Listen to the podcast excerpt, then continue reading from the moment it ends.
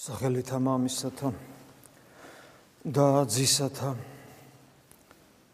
და სულისაწმინდისათა. დღევანდელი დღე ეკლესიის ცხოვრებაში და ეკლესიის ცხოვრებისათვის იმდანაც მნიშვნელოვანია რომ დღევანდელი დღის ხსოვნა ყოველ ყოველკვირა ყოველკვირას არის, ყოველი კვირის განმავლობაშია. ეს არის 4-7 დღე. 4-7 დღე, როდესაც მოხდა ის, რაც დღეს მოხდა, რაც ჩვენ წავიკითხეთ დღეს сахарებაში, როდესაც იუდა შეუთანხმდება აა შეუთანხმდება მთავრებს რომ ქრისტე გაიცეს და ქრისტე დაიჭირო. რა თქმა უნდა ეს რომ ერთი ადამიანისათვის იყოს მნიშვნელოვანი კონკრეტულად იუდასთვის და მხოლოდ ისტორიული დანიშნულება კონდეს ეკლესია თავისი საფრთხო სიბძნით მას ყოველთვის მოსახსენებელ დღედ არ აქცევდა, როცა ოთხშაბათი მარხვის დღე, ამიტომ არის ოთხშაბათი მარხვის დღე. რა თქმა უნდა ჩვენ ვერცერთი ვერ მარხულობთ ისე როგორც საჭიროა, მაგრამ თვითონ ის ფაქტი, რომ რაღაც მცირე ოდენს ცირეოდენს მაინც ვაკეთებთ. უმნიშვნელოს აბსოლუტურად უმნიშვნელოს. ყოველ შემთხვევაში ესეც კარგია რომ იგი გვახსენებს რომ ოთხშაბათია რომ რომ ქრისტე გაიცა.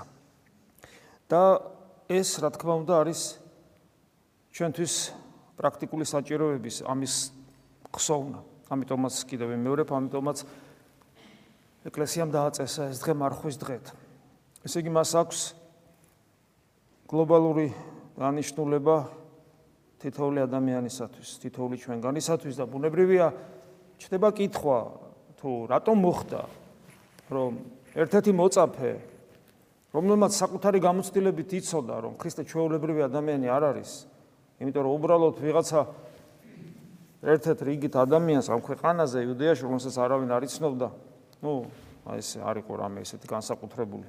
როგორც ხვები, სოქს თევზ თევზების გარდა პროფესიაც არ ქონდა არაფერი თქვა ხო? როგორ მოხდა რომ აი ეს ადამიანები ქრისტესთან ყოფობით საოცარ ძალას იძენენ და ხედავენ რომ როგორ ძალას ფლობენ თვითონაც და მათი ლოცვით სასწავლები ხდება ადამიანები ინკურნებიან შმაკთა განსხმა ხდება, მიცვალებულნი აღდგებიან, აი ამას ყველაფერს ხედავენ. და როგორ მოხდა, რომ იუდა ასეთ ნაბიჯს დგავს? ძალიან ბევრი ვერსია ამას ამ კითხოს ატოვსობთ, იმიტომ რომ რადგან ჩვენ სამოძღვრებლად დაიწერა ყველაფერი და რადგან ჩვენ სამოძღვრებლად არის ეს დღე ეკლესიაში ამდენი ხის განმავლობაში ასე ხაზგასმული რომ არასოდეს დაგვავიწყდეს ესე იგი, ეს ჩვენ გვეხება, ჩვენ გვეხება, ბუნებრივია, რომ კითხები დავსვათ, გავიაზროთ, რა დაემართა, ჩვენ რომ არ დაგვემართოს და გვემართება თუ არა ეს პერიოდულად და ასე შემდეგ. ეს არის ბოლომდე გაცნობიერებული ეს არავის არ აქვს, ასე ვფიქრობ მე, იმიტომ რომ იუდას შესახებ ძალიან ბევრი ძალიან ბევრი დაწერილა, მაგრამ საბოლოო პასუხი მაინც არ არის. სხვადასხვა ვერსიები არსებობს. თუ რატო შეიძლებაოდა ეს გაეკეთებინა, ვინ იყო საერთოდ იუდა და ასე შემდეგ. მაგრამ კაცმა რო თქვას რა მნიშვნელობა აქვს? ფაქტია, რომ იუდამ ვერ დაინახა ვისთან არის, ვისთან იმყოფება და ფაქტია, რომ იუდას ინტერესები წინააღმდეგობაში მოვიდა ქრისტეს ნებასთან. და ფაქტიურად მათი ინტერესების ინტერესების დაჯახება მოხდა შეიძლება ასე ითქვას. იმ დონეზე იმ დონეზე რომ წავიდა ასეთ ნაბიჯზე. მე ვიფიქრე რომ აი ის საკითხები წაგვეკითხა დღეს რაღაც ნაწილი რომელიც რომელსაც ეკლესია გვაწვდის და ამის საშუალებით ეგება რაღაც ცოტათი მაინც ჩვენთვის გახსნილიყო რაღაც ამ საიდუმლოებაში რომ რომელიც მე დაგვეხმარება თავისთავად ცხადია. დღეს იონეს ახარება აღმოვიკითხეთ და ასევე დღეს სამსაათზე ცისკრის სახარება იქნა წაკითხული და ვესტები ორივე ორივეგან ორივე სახარებიდან რაღაც ამონარიდები წავიკითხო და ამის მიხედვით გავიგოთ თუ რა შეიძლება მომხდარიყო ვეცადოთ გაგებას გახსოვთ რომ ესე იგი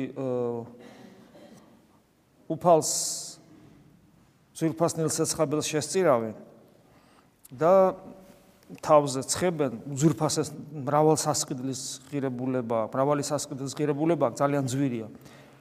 და როგორც კი ამას გააკეთებენ, თავზე დაასხავენ ამ სასხებელს. აა მოცა იქ როგორ წერია, მოწაფეები განრისხდნენ, გაბრაზდებიან, წარმოგიდგენიათ? აი როგორ ეს ისე აქცენტირებული ხო სახარებაში ხო ემოციები ნაკლებად ჩანს, მაგრამ ისე აქცენტირებული თითქოს ემოციებიც კი იკითხება, რომ გაბრაზდნენ ეს როგორ ანუ ენანებად ქრისტესთვის ენანებად ზურფასი ნელსაცხებელი. ფიქრობენ რომ ქველმოქმედება გაგვეყიდაო და გლახაკებს დაურიგებდითო.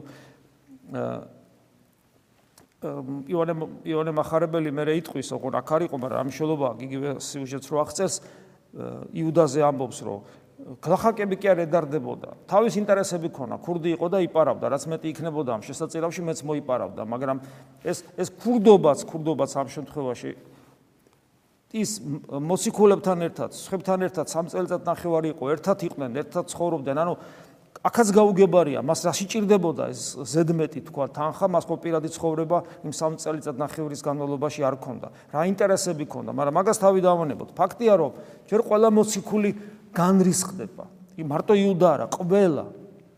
ყველასთვის პრობლემაა ეს. ყველას დაენანება ქრისტესათვის.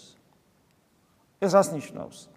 გასმორო თქვას ბოლომდე არცეც არ აქვს გასნობიერებული ვისთანგანა რატო არიან რა ხდება რა საკეთებენ მიუხედავად იმისა რომ მათ გულის თვალით ინტუიციურად დაინახეს რომ მათ წინაშე არ არის ჩვეულებრივი ადამიანი ძეხვთისას უწოდებენ ბევრ ამას ვერ იგებენ, როცა უფალი მაგალითად ზიარებაზე საუბრობს და ბევრი მოწაფეც კი დატოვებს.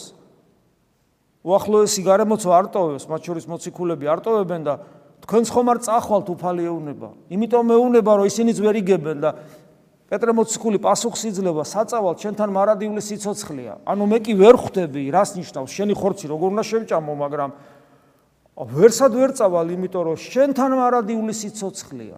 ცოცხალი ღმერთის ძე ხარ. მაგრამ ეს გაცნობიერებული არ აქვს პეტრეს. ეს გულის მდგომარეობა, რომელსაც მამამ, ზეციურმა მამამ გამოუცხადა როგორც უფალი განუმარტავს, ანუ შენ თონ კი არ მიხვდიო, მადლი შეეხო შენს გულს, ღმერთი გიცხადებს ამ ჭეშმარიტებას, მაგრამ რაციონალურად პეტრეს არ ესმის რა ხდება. და ეს როცა არ ესმის, აი ნახეთ როგორ არის, ჩვენ ინტუიციურად მოსულები ვართ ეკლესიაში, ჩვენს გულს უფალი შეეხო და მოვედით.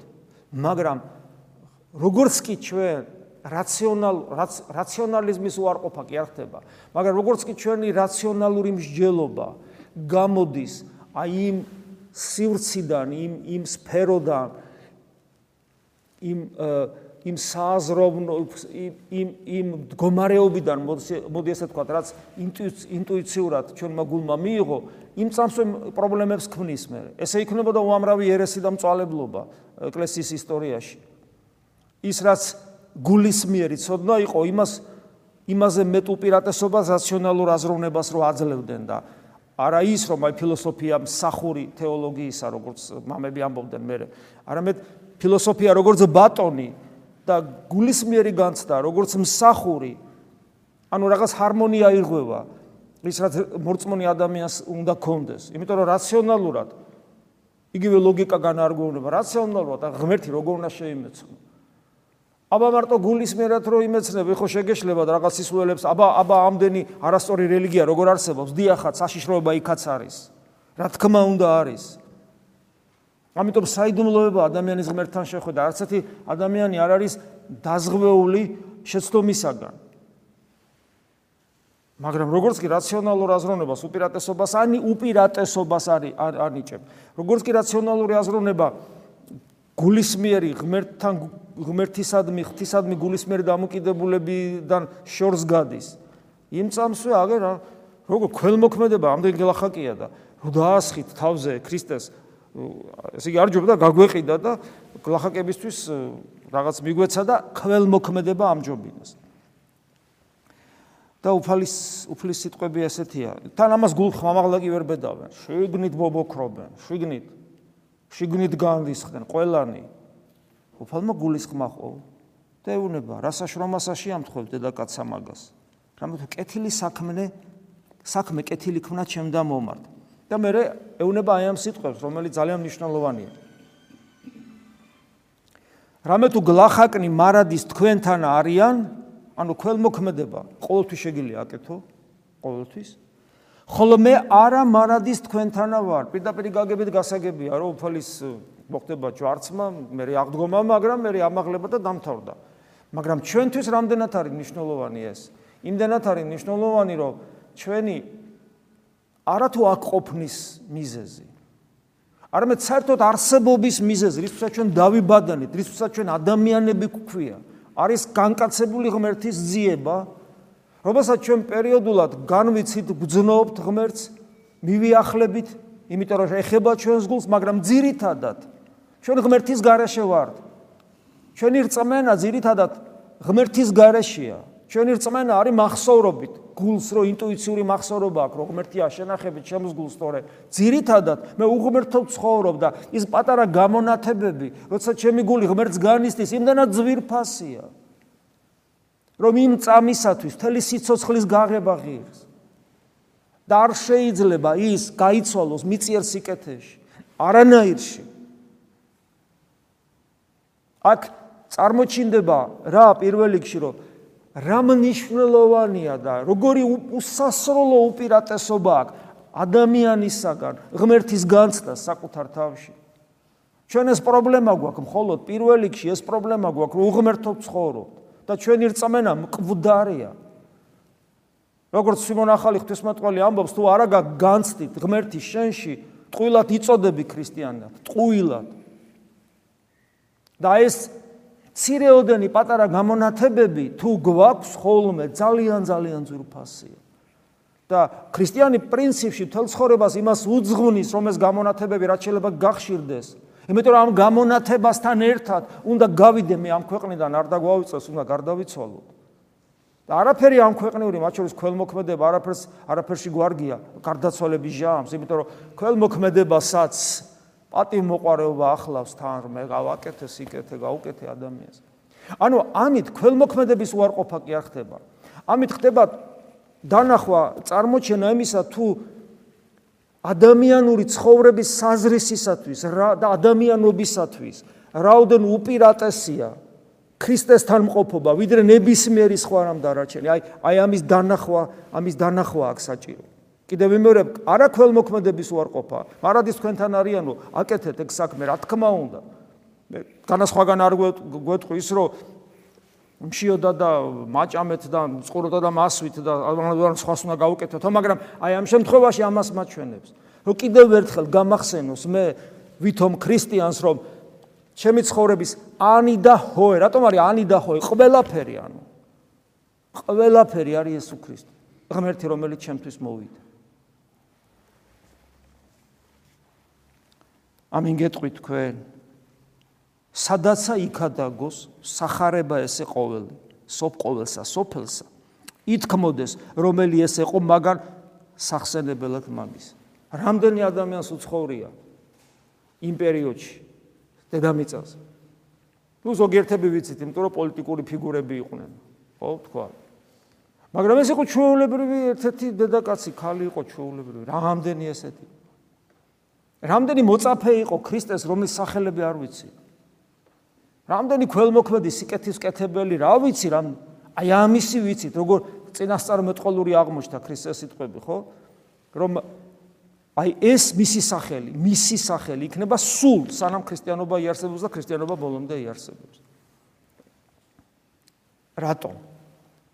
სწორედ ამიტომ, რომ აი ამას გვასწავლის, რომ არაფერი დაუდგება გვერდზე ქრისტესთან ერთობას და ქრისტესთან ჩვენ ყოფობას, იმიტომ რომ ის არის ჩვენი ცხოვრების საზრისი და სხვა არაფერი. ყველაფერი იმდენად არის ღირებული, რამდენადაც, რამდენადაც აი დიდებულებასთან ერთად არსებობს, რასაც ქრისტესთან ერთობა ქვია.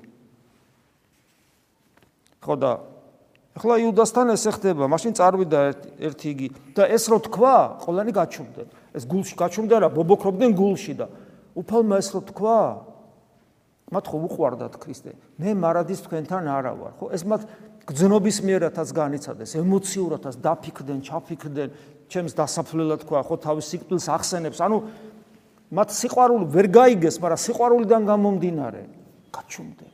იუდას არ უყვარს. ანუ იუდა ისე დანარჩენები ისევე გაუგებრები არიან როგორც იუდა, მაგრამ მათ უყვართ ქრისტე. ამიტომ ვერ იგებენ, მაგრამ სიყვარულის გამო ეძლევათ ინტუიციური განცდა, რომ მასთან სიცოცხლეა და ამიტომ ჩუმდებიან. ხოლო იუდას არ უყვარს. ეხლა რატო არ უყვარს იუდას და რატო უყვარს იმად? მაგაზე პასუხი არ მაქვს. მე პირადად არ ვიცი. მაგრამ ერთი რამე ვიცი, აქედან გამომდინარე, რომ თუ ქრისტეა არ მეყვარება, მე გამოცდას გამოცდებს, ანუ განსაცდელებს ვერ გაუძლებ და ერთ-ერთი განსაცდელის დროს მე ქრისტეს უარყოფ. თუ მე ქრისტეს სიყვარულისაკენ არ ვისწრაფ. თუ მე მგონია ქრისტიანობა არის რაღაც წესების შესრულება და რაღაცების კეთება და ქველმოქმედება და ასე შემდეგ და თუ მე არ არ მაწუხებს ის რომ ქრისტე არ მიყვარს. მე თუ არ მაქვს ქრისტეს სიყვარულის დეფიციტის განცდა, რომელიც მუდამ ტანჯავს. მე მაქვს მწვერვალი, ადამიანმა როგორ შეიძლება ქრისტე შეიყვაროს, ეს არის ყოვლადწმინდა ღვთისმშობელი, რომელსაც ღმერთი ქერუბიმებზე და სერაფიმებზე უფრო მეტად უყვარს. იმიტომ არის აღმატებული ქერუბიმებზე და სერაფიმებზე. მე მაგ მაგალითი როგორ შეიძლება ადამიანმა ეს მოახერხოს ღვთისმშობლის სახით. ვიღაცა იტყვის რომ იმიტომ რომ ღვთისმშობელში იყო შიგნით ქრისტე, ცხრათვე ჩვენ ძალიან ხშირად ვეზიარებით და დამერწმუნეთ რომ იგივე ხდება ჩვენში ქრისტე შემოდის უფალი პირდაპირ გვეუბნება ვინ შეჭამ ჩემ სისხლს და ხორცს მე თქვენში შემოვდივარ როგორც სხვა განსხვავებული ახალი სიცოცხლე. ანუ ჩვენში ქრისტე მკვიდრდება ჩვენ ხო ამიტომ ვეზიარებით დამით ხო ღვთისმშობელს ვბაძავთ ვემსგავსებით? წესით? ჩვენ უნდა გვიყვარდეს უფალი ანგელოზებზე მეტად. იმიტომ რომ წმინდა მამები ესე გვასწავლიან რომ ღვთის განკაცება მთელი ზეციური იერარქია ამოატრიალა და ანგელოზი ადამიანი პოტენციაში ანგელოზე მაღლა დადგა. ესე იგი რას ნიშნავს? როგორ უნდა დადგე მაღლა ანგელოზე? ანგელოზე მეტად უნდა გიყვარდეს ქრისტე და ამის მაგალითი ღვთისმშობელია. და რაც ღვთისმშობელში მოხდა, ის ჩემში სულ ხდება, როცა ვეზიარები. მაგრამ ეს სიყვარული არ მაქვს. და იუდას რომ სიყვარული არ აქვს, ამიტომ მეუბნება რომ ამის მერე ერთი 12-თაგანი, რომელსაც ერქვა იუდა ისკარიოტელი, წავიდა მოძღვართან, მოძღვრებთან და მიერიდან ეძებდა ჟამსა მარჯვესა, როცა მათ უკვე შეუთანხმდა და ეს 30 ვერცხლი აიღო, რათა გასცეს ქრისტე. ბუნებრივია კიდევ რაც თავიდან თქვი, კითხვა ჩდება, რომ რა უნდა გავაკეთო იმისათვის, რომ ეს არ დამემართოს. ჩემში ეს არ მოხდეს, იმიტომ რომ განაჩვენში იუდა არ გვიგრძნია, არ არ გვინახავს ჩვენში იუდა. ну თუ არ გვინახავს ჩვენში იუდა. ჩვენში ჩვენში თუ იუდა არ გვინახავს, არასოდეს ჩვენ სულერად არ ცხოვრობ. ჩვენ ღალატობთ უფალს ძალიან ხშირად. ხან სულ მოკლეობის გამო პეტრევით, პეტრე მოციქულებით და ხან ჩვენი პირადი ინტერესებიდან გამომდინარე. იუდა პეტრე მოციქული სულ მოკლეობის გამო ღალატობს ქრისტეს, შეეშინდება. ხოლო იუდა ღალატობს პირადი ინტერესებით გამომდინარე, რომელიც მოვიდა წინააღმდეგობაში. ღვთის ინტერესებთან, ანუ მისი ნება წინააღმდეგობაში მოვიდა ღვთის ნებასთან. რა, ჩვენი ნება არ მოდის წინააღმდეგობაში ღვთის ნებასთან? არ არის კონფლიქტი ინტერესებს შორის, ჩვენსა და ღმერთს შორის? როგორ არ არის? რამდენჯერაც გინდა? ზოგი იმ დონეზე მოდის წინააღმდეგობაში, რომ თქვა, როდესაც მე მithქვი ადამიანისათვის, რომ უნდა აპატიო და უნდა ილოცო მისთვის, ორ ვილოცებ მისთვის უთქვიათ. არ ვაპატიებ. ესეთი ესეთებიც ყოფილა. ასე რომ ეს ხდება. ამიტომაც არის რომ ჩვენ არ ვასრულებთ რა არ ჩვენი ნება არ არ არის თანხვედრაში და ღვთისნებასთან, ამიტომაც უფალ მამაო ჩვენოში ჩაგვიწერა, იყავნება შენი. ამით გვითხრა, რომ თქვენი ნება წინააღმდეგობაში მოდის ჩემნებასთან და ითხოვეთ, ითხოვეთ, ითხოვეთ, ითხოვეთ. ანუ რას ნიშნავს ითხოვე? ითხოვე მარტო სიტყვა არ არის. ითხოვე და შესაბამისად ამ თქმისა, რასაც ითხოვ, ეცადო იცხოვრო. შენ ითხოვე, ეცადე იცხოვრო, პასუხისგებლობით მოეკიდე შენ ნათქვამ სიტყვას და თუ დავინახავ, რომ იბრძვი, მე შენ დაგეხმარებ. ოდაი საცისკრო სახარებაში ეს იონეს იონეს სახარები იონეს სახარებიდან იყო ამონარიდები, რამდენი ამორარიდი არის აქაც და რომელიც დღევანდელ დღეს იქნა წაკითხული და ეგება აქედანაც რაღაცა ჩვენ სარგებელი ვნახოთ. აი, ესეთი რამე, ეს არის იონეს სახარების მე-12 თავია. რომელსა უყვარდეს სული თვისი წარიწყმიდოს იგი. აი ესე იგი აქაც აი სიყვარულისადმი სიყვარული სიყვარული ღმერთია მაგრამ ღმერთი არის სიყვარული. მაგრამ მაგრამ როგორც კი სიყვარული წყდება ღმერთს სარცარიელი სახელი გარჩება და შესაბამისად სიყვარულის სახელით ჩვენში მე ბოროტება იწყებს მოქმედებას. ის როგორც ჭეშმარიტების თავისუფლების სახელებით ბოროტება იწყებს მოქმედებას. სინამდვილეში რა თქმა უნდა ეს არც სიყვარული, არც ჭეშმარიტება და არც თავისუფლება, მაგრამ ნუ ადამიანი ამით სტუნდება. და აი გვეუბნება აქ ჩანს, რომელსა უყვარდეს სული თვისი წარიწყმიდოს, იგი და რომელსა ზულდეს სული თვისი ამასოფლსა, მარადილ სიცოცხლეთ დაიმარხოს იგი. ეს სიტყვები გვესმის ჩვენ. მე მგონი არ გვესმის. იმიტომ რომ ამ სიტყვების გაგება, ამ სიტყვების მოდი ასე ვთქვა, აი ამ სიტყვების მიღება, რომ ესე იგი მე უნდა თუ მეყარება, სული რა არის? სული მარტო უკვდავ სულს არ ნიშნავს. სული ჩემი სიცოცხლე, ანუ მე ვარ ეს, ჩემი სიცოცხლე. თუ მე მიყვარ ჩემი სიცოცხლე, ესე იგი მე წარწმიდავ მას. სული სიტყვა წარწმედა. არადილ დაღუპვის დაღუპვის ასოციაციას იწვევს ეგრეცა. და რომელსაც ზულდეს, თუ ჩემი სიცოცხლე შემძულდება ამ სოფელში, მარადილ სიცოცხლეს ვიმკვიდრებ. მე ეს მესმის? მოდი ესე ვთქვა, მე ესე ვცხოვრობ. საერთოდ ხვდები რა ხდება? თელი ჩემი არსებით, მე ხო ამის წინააღმდეგი ვარ. მოკლე განმარტება ამ სიტყვებისა, ის არის რაც წეღამ თქვი. ჩემი ცხოვრების ანი და ჰოე არის იესო ქრისტე. თუ ესე არ არის, მე სიტყვები ჩემს გვერდზე მიდის და საერთოდ არ მეხება.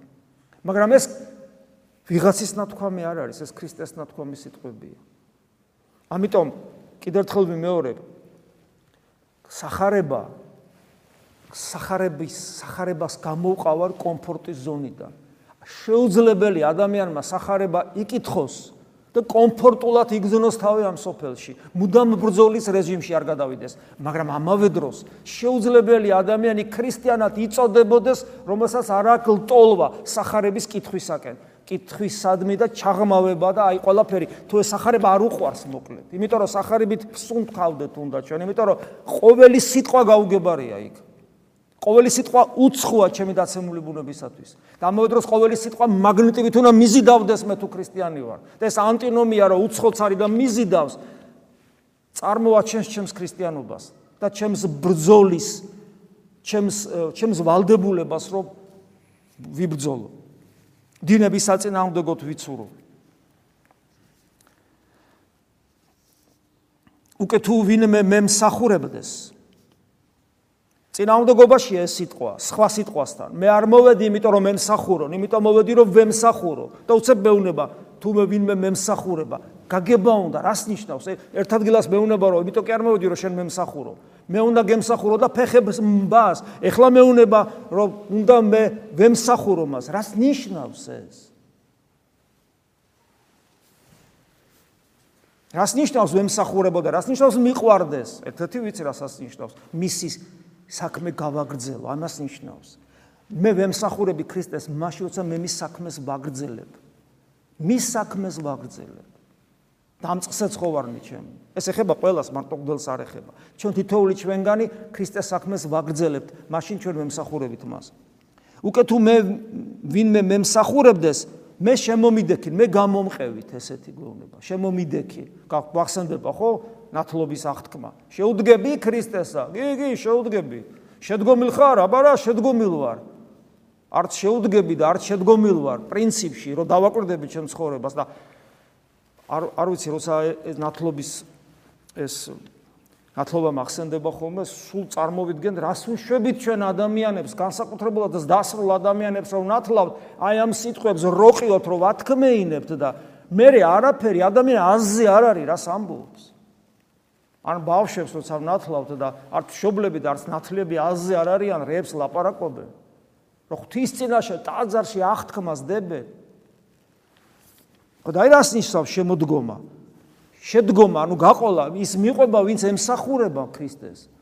ემსახურება ნიშნავს იმას, რომ ვინც მის საქმეს აგრძელებს, იმიტომ რომ ქრისტემ მხოლოდ 3 წელიწად ნახევარი იმსახურა, მეტი კი არა. და თავის მაგივრად ვინ დატოვა? ეკლესია დატოვა, ჩვენ დაგტოვა თავის მაგივრად. და ჩვენ უნდა გავაგზავნოთ ის საქმე და 2000 წელი ამას აკეთებს ეკლესია. ყველა წმინდანი ამას აკეთებდა. ისინი ბაძავდნენ ქრისტეს. და ჩვენ მათ უნდა მივბაძოთ, რომ ამით ქრისტეს მივბაძოთ, როგორც პავლე მოციქული გვასწავლის. შესაბამისად ამის შედეგი რა არის? და სადაც ამ მე ვიყო, მუნცა ჩემი მსახური იყოს. უკვე თუ ვინმე მე მსახურებდეს, პატივისცემს მას მამამან ჩემმან. რა პატივისცემაზეა საუბარი? შვილად გიღებს. შვილად გიღებს. სადაც მე ვარ, ჩემი მსახურიც იქ იქნება სად არის? ყოვლადწმინდა სამების წიაღია, ზეღმერთის ზეღმერთი სად არის? ზეღმერთი ყოვლადწმინდა სამების მეორე პირია. ადამიანობით მარჯვენით მამისა, ანუ სრულ დიდებაში, საფრთხო დიდებაში. სხვა ადგილას იტყვის მნებავს, სადაც მე ვარ თქვენც იქ იყოთ. ჩვენი ადგილი ყოვლადწმინდა სამება, ღმერთია ჩვენი სამოთხე, ღმერთია ჩვენი მარადიული სამყოფელი, ღმერთია ჩვენი სამშობლო და იქ იქ ღმერთში ღმერთი გაჩერდება მხოლოდ ანუ ჩვენ ღმერთნი უნდა გავხდეთ ღვთისშვილის სტატუსით, საფრთხო მადლი და ენერგიით. მართალია მე პიროვნულად შექმნილი ვარ, მართალია მე ბუნებითაც შექმნილი ვარ, მაგრამ ენერგიით, რომელსაც მე ღმერთი მომცემს, ერთი ვიქნები ღმერთთან, ჩვენ და ღმერთს ერთი ენერგია გვექნება. ეს არის ქრისტიანული სწავლება. აი საწავედით. ჩვენ კიდე ჩვენ კიდე აი ეხა აი აი ეს რო გაიაზრო რა გველოდება და რისთვის ვართ და მე გაიაზრო როგორ ცხოვრობ აი მე ჩემ თავზე ვიტყვი თქვენ თავი დაგანებოთ უბრალოდ სირცხვილია რა, რომ ღდელი ვარ, სიცხვილია, რომ აგუდგავარ, სიცხვილია, რომ დგავარ წირვისას და განსაცვიფრებელ სიტყვებს ვამბობ. განსაცვიფრებელს. თქვენ თუ უსმენთ რა სიტყვებია? და ამას მე ვამბობ ის რომ გრიგოლ დიოლოგოსის და წმინდა მამების გულიდან ამოხეთქილი რო არის ეს მე არ მიშველის. უფალი ამას უყურებს როგორც ჩემს ნათქვამს და პასუხისგებელი ვხვდები მე ამ სიტყვებს და თქვენს რომლებიც ისმენთ, არ მოისმენთ პასუხისგებელი ხართ რატო არ ისმენთ? მოისმენთ, პასუხისგებელი ხართ რო ისმენთ, მე რას აკეთებთ? ანუ აქ დგომა თავისთავად პასუხისგებლობა. პატივისცეს მამამან. აი ეგ არის, პატივი, მეტი რაღა პატივი გინდა, კაცო, შვილად გაღიარ. ღმერთი, galaktikების შემოქმედი გეუბნება ჩემი შვილი. მეტი რაღა პატივისცე მაგინ. აწარ სასჯელი ამას სოფლისა, აწ თავარი იგი ამის სოფლისა განვარდეს გარე. აი ამ დიდებულებას ასაც ეღამ საუბრობდი, დიდი მტერი ყავს დაცემული ანგელოზის სახით, მაგრამ მას შემდეგ იმიტომ რომ ის იმდანად ბატონობს კაცობრიობაზე იმ სამი ძირითადი ვნებით როგორც ვიცით ეს სიამეთ მოყარეობა, მომხოჭელობა და პატივმოყარეობა იმდანად არის გაბატონებული, რომ თვითონ წმინდა წერილი მეუნება, უფალი მეუნება, რომ ამ სამყაროს ადამიანების, აი ადამიანთა საზოგადოების უფროსი ეშმაკია.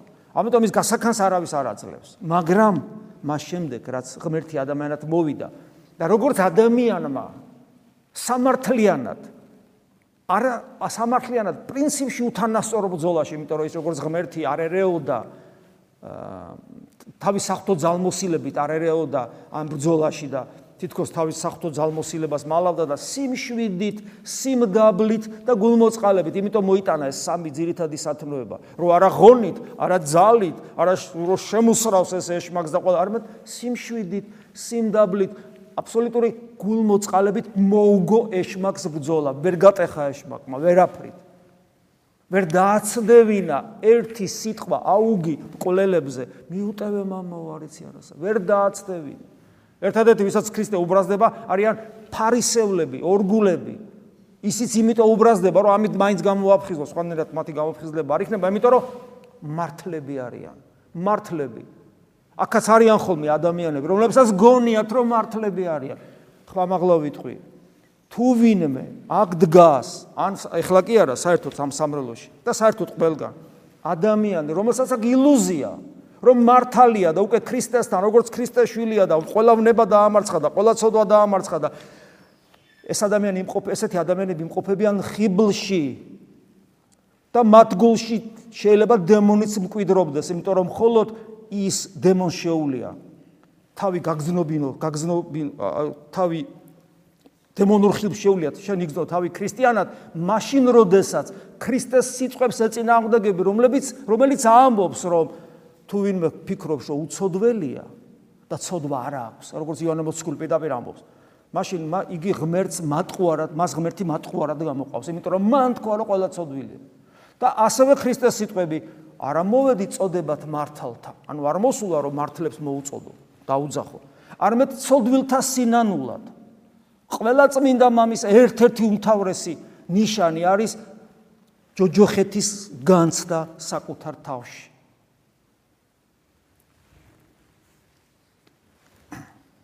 ხო და აი ეს გაბატონებული ბოროტის სული დამარცხდა ქრისტეს მიერ. და ქრისტიანი რომელიც თავის თავში ქრისტეს როგორც ღმერთს უნდა ატარებდეს ქრისტიანის გულიდან ეშმაკი უნდა იყოს გავარდნილი. ამიტომ წერია თავარი ამ სოფლისა განვარდეს გარეთ. ეხლა რას ნიშნავს განვარდეს გარეთ? მისი ადგილი ღორებშია მარტო როგორც იმ ცნობილ სიუჟეტშია. ხადარინელი ეშმაკების ეშმაკეულების განკურნება. ის არსად არ წასულა ღორებშია მაგრამ უფალივე გვაფრთხილებს ის რომ ქვეყნიდან ჩვენი გულიდან რომ გავარდება, შორს კი არ მიდის, გაკვირდება, როგორც კი, როგორც კი შენს სინანულის პროცესი იკლებს და გონია შენ რაღაცა ხარ უკვე იმ წამსვე ბრუნდება უკან და შვიდ თავიზე უბოროტეს მოიყვანს, როგორც უფალი გვასწავლის.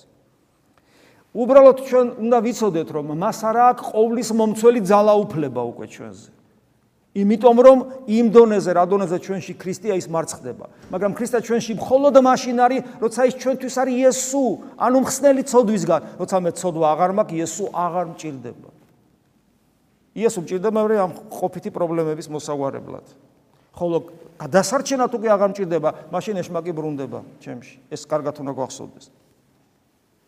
მე ესეც სიტყვებია ოდეს მე ოდეს ავმაღლდე ქვეყანით ამ რატო გიკითხავთ ამას? ეს არის ის მდგომარეობები, რომელიც ჩვენ გადაგვარჩენს, არ გადავიქცეთ იუდად.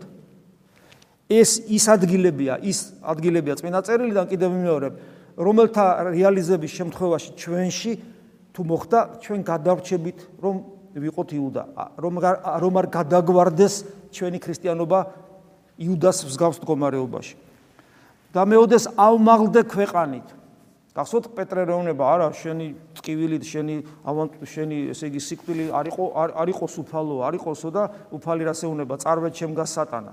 იმიტომ რომ ქრისტე ჯვარცმას ამაღლებას უწოდებს და ოდეს ავმაღლდე ზეცად ყოველი მოვიზიდნე ჩემ და მე როცა ავმაღლდები ყოველას ჩემთან მოვიზიდავ.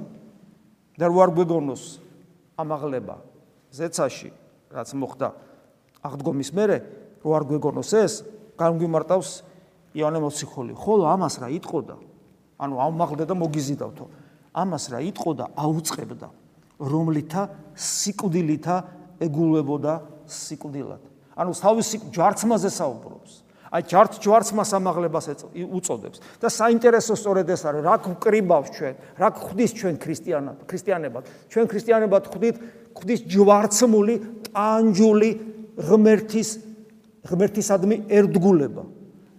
და ჩვენს თვალში ღმერთი არის ამაღლებული, როცა ის ყდება ჯვარზე. ეს არის ალოგიკური მდგომარეობა ქრისტიანის, რომელსაც პავლე მოციქულის სისულელეს უწოდებს, იმიტომ რომ სხვა რელიგიების წარმომადგენლები, როცა იგებენ, რომ როცა ჩვენ ვამბობთ, რომ ღმერთი მოვიდა ადამიანად და მოკვდა და ქცინიან, როგორ შეიძლება ღმერთს როგორ ამცირებთ და ჩვენთვის ღმერთის ეს საქციელი დამცირება კი არ არის, სიდიადი, აი ღმერთი ესეთი დიადია, რომ აი ეს გააკეთა. და ეს არის ამაღლება, ღმერთს რა ამაღლება უნდა? რა უცნაურია, ხო? მაგრამ აი ეს არის ღმერთის ამაღლება და ეს ეს უნდა დავინახო, ეს უნდა განვიცადო და ის მიზიდავს მე. თუ ამან არ მიმიზიდა, თუ მე ვთვლი რომ ეს რასისულელია, როგორ შეიძლება ღმერთი ესე ღმერთს ესე დაემართოს, ან თუ მე ვითომ ქრისტიანი ვარ, იმიტომ რომ ქრისტიანულ კულტურაში ვიმყოფები და მავიწყდება, ვისი ერთგული ვარ ჯვარცმულის და ვწუწუნებ ჩემს პირად პრობლემებზე. მაშინ მე ქრისტიანი არა ვარ. რქომათ იესო ცირედ ჟამ ნათელი თქვენთან არის. ვიდოდეთ, ვიდრე ნათელი გაქვს. ანუ ცოტა ხანი თქვენთან არის ნათელი და სანამ ეს ნათელი არის იცხოვრეთ ნათელში. რათა არა გეწიოთ თქვენ ბნელი. რამე თუ რომელი ვალ ბნელსა, არა უצყინ საით მიდის. ძალიან საინტერესოა ეს. ნათელი თავად ქრისტიან, მე ვარ ნათელი სოფლისა უფალი იტყვის. რატო ამბობს რომ მცირე ჯამკი ისტორიულად გასაგებია? თუმცა მაინც არ არის ბოლომდე გასაგები, იმიტომ რომ უფალი გვპირდება მათ ესახარებაში, რომ მე რადის თქვენთან ვიქნები. და მარადის თქვენს გულთან დგავ დგავართ აპოკალიფში ვეუბნება. ანუ აქ საუბარია არა იმ ისტორიულ ვითარებაზე, რომ ის ხორციელად ამაღლდა, უბრალოდ მარტო მაგაზე კი არ არის საუბარი, არამედ იმაზე, რომ წერაც წეგან გითხარით თავში, რომ უფალი ჩვენთან არის იშვიათად ჩვენს გამო. თვითონ კი არ უნდა რომ ესე იყოს. იშვიათი გამონათებები გვაქვს და ეს გამონათებები ნიშნავს რომ არის იმ მომენტში არის ჩვენთან ნათელი, ანუ ქრისტ მე ვარ ნათელი, მე ვარ ნათელი, აი ქრისტე არის ჩვენთან როგორც ნათელი. და გვეუბნება რომ ჩვენ უნდა ვიდოდეთ, ანუ ვიცხოვროთ ამ ნათლის შესაბამისად. რომ ბნელი არ დაგვეწიოს, ბნელი რა არის? ბნელი არის უქრისტეობა. უქრისტეობა. ადამიანი ვარდება მრისხანებაში. და დაამხობს თავზე ყოველას ყოველაფერს, ან სასწარკვეთილებაში, რაღაც მოვლენის მერე. მერე მოდის ახსარებაში, ან განკითხვაში და მერე დამძიმდება. მეუბნები, როცა შენ განეკითხავდი, როცა შენ რისხანებაში ვარდებოდი, როცა შენ დეპრესიაში ჩავარდი, იმის წინ მერე უნდა გაანალიზო მათ, იმის წინ შენ გულში ქრისტეს ხსოვნა არ ქონდა, ანუ არ ლოცულობდი. სწორია? სწორია მეთანხმებიან ადამიანები. ეს ნიშნავს იმას, როგორც კი შენ უქრისტეოდ რჩები, რჩები სიბნელეში და დაუცველი ხდები ბოროტისგან. ამიტომ ლოცვა არის მოუკლებელი მდგომარეობა, უნდა იყოს ლოცვა, უნდა იყოს მოუკლებელი მდგომარეობა ადამიანისა. და მე ამბობს რომ რომელი ბნელში დადის ანუ ვინც უქრისტეოდ ცხოვრობს მან არ უწყის საით მიდის. ორიენტირი არა ადამიანთა უდიდეს უმრავლესობას ანუ ყველას ვინც ქრისტეს გარეშე ცხოვრობს არ აქვს ცხოვრებაში ორიენტირი. საკუთარი თავები გაიხსენეთ. სანამ თქვენ ეკლესიაში მოხვიდოდით და გადახედეთ თქვენ ცხოვრებას მაშინაც და მას მე როცა ჩვენ ეკლესიაში მოვედით, მაგრამ ძალიან ხშირად უქრისტეოდ ვართ. ან როცა ჩვენ რაღაც გადაწყვეტილება მიგვიღია, როცა არ გაგვითვალისწინებია ქრისტე რომ არის ყოველთვის შეცდომებს უშვებთ და ძალიან ხშირად ცხვირის წაგვიტეხია, მხოლოდ იმის გამო, მხოლოდ იმის გამო, რომ ჩვენ ორიენტირი არ აგვაქვს. სიბნელეში ვარ და არ ვიცით საით მივდივარ. და ამასობაში დრო გადის. ჩვენ დესტრუქციული ხდებით, ჩვენი გადაწყვეტილებებით, ჩვენივე ცხოვრებისა, ამასობაში დრო გადის, გადის, გადის, გადის. აა ერთხელაც საბოლოოდ გავა. ღმერთმა უქნას, რომ ამ ქაოსში მოგვისწროს ამ სოფლიდან გასვლა. ვიდრე ნათელი გაქვთ, გწმენი ნათელი. ეს სიტყვები უცნაურად არ გეჩვენებათ. სანამ თქვენ ნათელი გაქვთ, ანუ ქრისტე გულში ყავთ, გწამდეთ ნათელი. თუ მაგ რაღა უნდა მწამდეს, მაგ. ხედავთ როგორი აქაც როგორი ანტინომია. თან მაგ, თან არა მაგ, იმიტომ რომ თუ მაგ წმენა რაღაცი მჭირდება, აი რაში მჭირდება? ფურცლის წმენა, ფურცლის წმენა არ მჭირდება, ეს აქ არის მორჩა. ანუ მაგ და თან არა მაქვს. ნახეთ რა მოუხელთებელია წმენა. ამიტომ ადამიანი მე მორწმუნე ვარ, კაცო, მე მე მე ისეთი ნუ ამბობთ ესეთ რაღაც. ნუ ტყუი ხართ ამ იმიტომ რომ წმენა ეს სიბნელესთან ერთად არის ყოველთვის. აი ესია. იმიტომ რომ გეუბნება გაქვთ ნათელი და თან უნდა გწამდეთ, იმიტომ რომ გაქვთ და თან არა გაქვთ. და წმენაა საჭირო. ვერ ხედავთ, ვერ განიცდით და სუძიებაში ხართ. მაგ არა მაგ განვიცადე ვერ და და აი არა და მინდა და აი ბძოლა სულ სულ გწმენი ნათელი რათა ძენათლის აიყვნეთ. ამას ეთყოდა იესო წარვიდა და დაეფარა მათ. ხოლო იესო ღაღატყო და თქვა რომელსა მე ვრწმენე არა მე ვრწმენე არამედ მომავლინებელი ჩემი. და რომელმან მიხილა მე იხილა მომავლინებელი ჩემი აქ კიდევ ერთხელ ხაზგასმა იესო ქრისტე არის ღმერთი ქრისტეს ხილვა არის ღმერთის ხილვა. ანუ ღმერთი არავის უხილავს მაგრამ ქრისტეს ხილვა არის ღმერთის ხილვა თქვენ დღეს მის ხორცსა და სისხლს შეჭამთ. უფალი გეუნებათ ვინ შეჭამს ჩემს სისხლს და ხორცს მე მასში შევდივარ თითოეულ ჩვენგანს დღეს აქვს შესაძლებლობა ღმერთის ხილვისა ჩვენ ვიცით რომ ამ შესაძლებლობა ეს მხოლოდ შესაძლებლობაა. იშვიათად რომ ოდნავ მაინც გვიხილავს გულის მიერ და ჩვენ უნდა გვინდოდეს ეს სულ ხდებოდეს რომელმან ისმინეს სიტყვანი ჩემნი და არ არწმენეს ეს ძალიან მნიშვნელოვანია. რომელმან ისმინეს სიტყვანი ჩემნი და არ არწმენეს მე არ ავსაჯო იგი. აქ კიდევ ერთხელ ამ სიტყვებს ისედაც გეუბნებით ხოლმე რომ ქრისტე არავის არ სჯის როცა თქვენ არასწორად ცხოვრობთ ქრისტე არ დაგჯი იმიტომ რომ ქრისტემ ყოველას ყველაფერი აპატია. საერთოდ რახსნიშნავს ქრისტემ ყოველას ყველაფერი აპატია. ზოგ ვფიქრობს რომ ქრისტემ ყოველას ყველაფერი აპატია და ზოგადად ღმერთი არავის არაფერს არ პატიებს. ძველახთმაში რასადი საშნელი სასჯელები არის. თითქოს ახალ აღთქმაში აღარ არსებობს ავანტყოფობა, ომები, უსამართლობანი, ცულამები, მიწიზვრები, ჩვეულებრივად არსებობს ყველაფერი. ოღონდ უნდა ვიცოდეთ რას ნიშნავს. უბრალოდ ღმერთი რო ადამიანად მოვიდა, ჩვენ მივხვდით რომ თურმე ღმერთი კი არ გვიჟის, მანამდე ჩვენ ეს არ ვიცოდით. ღმერთი არავის ჯის. არც აქ და არც მარადისობაში. თურმე ღმერთი კი არ გვიჯის ისე როგორც ხშირად მithქოს მაღალი სართულიდან რო ადამიანი ფანჯრიდან გადმოვიდეს ხო რა დაემართება ხო ხდებით? მე მას შეუძლია თქვას რომ ღმერთმა დამსაჯა ნუ ცოცხალი თუ გადარჩა ღმერთმა დამსაჯა როგორ დახსაჯა ღმერთმა კაცო შეხო არ გაითვალისწინე გრავიტაციის კანონი არსებობს სულიერი კანონიც. გაუთვალისწინებლობა სულიერი კანონისა დამანგრეველია ისე როგორც ფიზიკური კანონის გაუთვალისწინებლობა. და აი ამბობს რომ რომელსა სიტყვანი ჩემნი ისმინეს, მაგრამ არ რწმენეს, მე არ დავსჭი მას. აქუს საჯული, ანუ მას თავისი საჯული ყავს. ეხლა რა არის ეს საჯული? იცით, ეს უბრალოდ კიდევ ერთხელ ვკითხულობ. სიტყვას რომელსა ვიტყოდე, მან საჯოს იგი უკანასკნელსა დღეს. უცნაურია. მე სიტყვას ვამბობ, შენ ამ სიტყვას იგებ, მაგრამ არ გწამს და შესაბამისად არ ასრულებ, მაგრამ მე კი არ გიჯი. ეგ სიტყვა გიჯის. რატომ? იმიტომ რომ ეს სიტყვა კანონია. ეს სიტყვა ეს სიტყვა ღვთის სიტყვა. ეს ეს ის სიტყვა შემოქმედებითი სიტყვა, შემოქმედებითი ენერგია ცოცხალი ღმერთისა, რომელსაც თელი სამყარო შექმნა.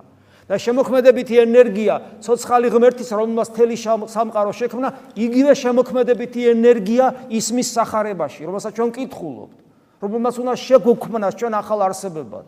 და თუ ამას ვისმენთ მაგრამ არ ვასრულებთ ან არ აღწამს და არ ვასრულებთ ჩვენ ღმერთი კი არ გვიჯის ეს სიტყვა რომელიც არის სულ ყოფიერების კანონი მოდი ესე ვთქვა იმიტომ რომ სამყარო რომ მარტო თევზებისაგან და რწყილებისაგან და ჭიამაიებისაგან შედგებოდეს და galaktikebisagан ამ ასეთი სიტყვა საჭირო არ იქნებოდა სამყაროსათვის მაგრამ რადგან სამყაროში გონიერი არსებებიც არიან რომლებიც ღვთის მსგავსნი არიან მათ კიდევ სხვანაირი შემოქმედებითი სიტყვა ენერგია ჭირდებათ რომელიც სიტყვაში ვლინდება აქ იმიტომ რომ ჩვენ ასე ვორიენტირებთ. ეს სიტყვარი კანონი ყოფიერების კანონი სამყაროს ყოფიერების კანონი იმიტომ რომ სამყაროში აი ამ რაც ჩამოთვალე მის გარდა არის გონიერი ღვთის მსგავსი არსება. მისი უგულებელს ყოფა ამ კანონის უგულებელს ყოფა მომაკვდინებელია ესე როგორც გრავიტაციის კანონის უგულებელს ყოფა მომაკვდინებელი და ღმერთი არ გჯის შენ საკუთარ თავს თვითონ ისჯი როცა ამ კანონს უგულებელს ყოფა. ამიტომაც ამბობს მე კი არ გჯი სიტყვას რომელსაც მე ვამბობ ის გჯის. ანუ ყოფიერების კანონის უგულებელს ყოფა გჯის. ანუ ფაქტურად ეს რა არის? საკუთარ თავს თვითონ იჯი, საკუთარ თავს უქმნი უქრისტეობას, ანუ საკუთარ თავს უქმნი ჯოჯოხეთს, რომელიც რეალიზდება შენი გარდაცვალებისთანავე იმ წამსვე. თელი სისავსი. ეს არის უსასრულოდ მზარდი სასოწარკვეთილება. ჯოჯოხეთი ეს არის უსასრულოდ მზარდი სასოწარკვეთილება. ფოტოშორის წმინდა მამები როცა ჯოჯოხეთში ამყოფებდა თავიო და იმედი არ წარიწყდო, აი ამ მდგომარეობას უახლოვდებოდნენ. ამ დროს ადამიანს ვნებები არ აწუხებს. არც ერთი ვნება არ აწუხებს ადამიანს სასწარკვეთილების მდგომარეობაში. არანერი ვნება, რომელიც ადამიანებს ანადგურებს სასწარკვეთილებ, აი ჯოჯოხეთში მყოფ ადამიანს არანერი ვნება აღარ აწუხებს. იმიტომ რომ ის მთლიანად მოცულია საშინელი სასწარკვეთილებით, რომელიც გეომეტრიული სისწრაფით იზრდება და იზრდება და არაფერი არ აკავებს. ხორცილი ადამიანი ამას ვერ გაუძლებს მოკვდება, მაგრამ გარდაცვლილი ადამიანი როგორ გამოკვდება და წარმოგიდგენიათ და ეს არის უქრისტეობა, რომელიც ადამიანმა საკუთარ თავს თავად შეუქმნა. ეს მდგომარეობა ჯოჯოხეთის აქვე იწყება.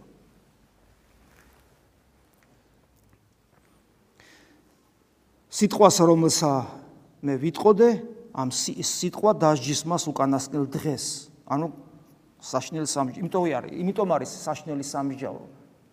ქრისტიანი წარმოგიდგენია ჯვარი ფწერია, რომ წარსდგები ღვთის წინაშე და აღმოჩნდა რომ ესე იგი ყველაფერი გქონდა დაწერილი ადამიანურ ენაზე როგორ გეცხოვრა და შენ ეს არ გაინტერესებდა, არ გედარდებოდა. აი ეგრე გულარხენა ცხოვრობდი. ლუასაბ თათქარიძე იყავი, ოღონ უფრო დახვეწილი იმას მარტო ბოზბაშტე ჩიხით მაინტერესებდა და შენ იმდენი რამე გაინტერესებს სიამოვნების მომგვრელი. სულ ეგარი. აღმოჩნდა რომ შენი ცხოვრება ვერავის ვერ დააბრალებ, ვერავის. ღმერთი უსამართლო არ არის, ვერ დააბრალებ ღმერთს. და უბედურება იცით რა არის, რომ ღმერთ შენი შეწყალება რომც მოუნდეს, ვერ ახერხებს, იმიტომ რომ შენ გძულს ღმერთი. შენ არ გინდა ღმერთი. აი ეს არის, ჩვენ გონია რომ ეხლა არ მიყვარს ქრისტე. ეხლა არ მიყვარს. ზერელე დელთბილი. აი რო გარდავიცვლები, მე შენ მიყვარდება, რანაირად რა? შეიცვლები, ეხლა ეს ახარ. და მე ის იქნები რო გარდაიცვალე რაც ახლა ხარ მეც ის იქნები შე ხო პიროვნულად ერთდაიგივე იქნები ეს გვავიწყდება ჩვენ. შენ თუ ღმერთი დღეს არ გიყვარს და გადახედე შენ ცხოვრებას, იცოდე რომ გარდაცვალების მერე არ შეგიყვარდება ღმერთი.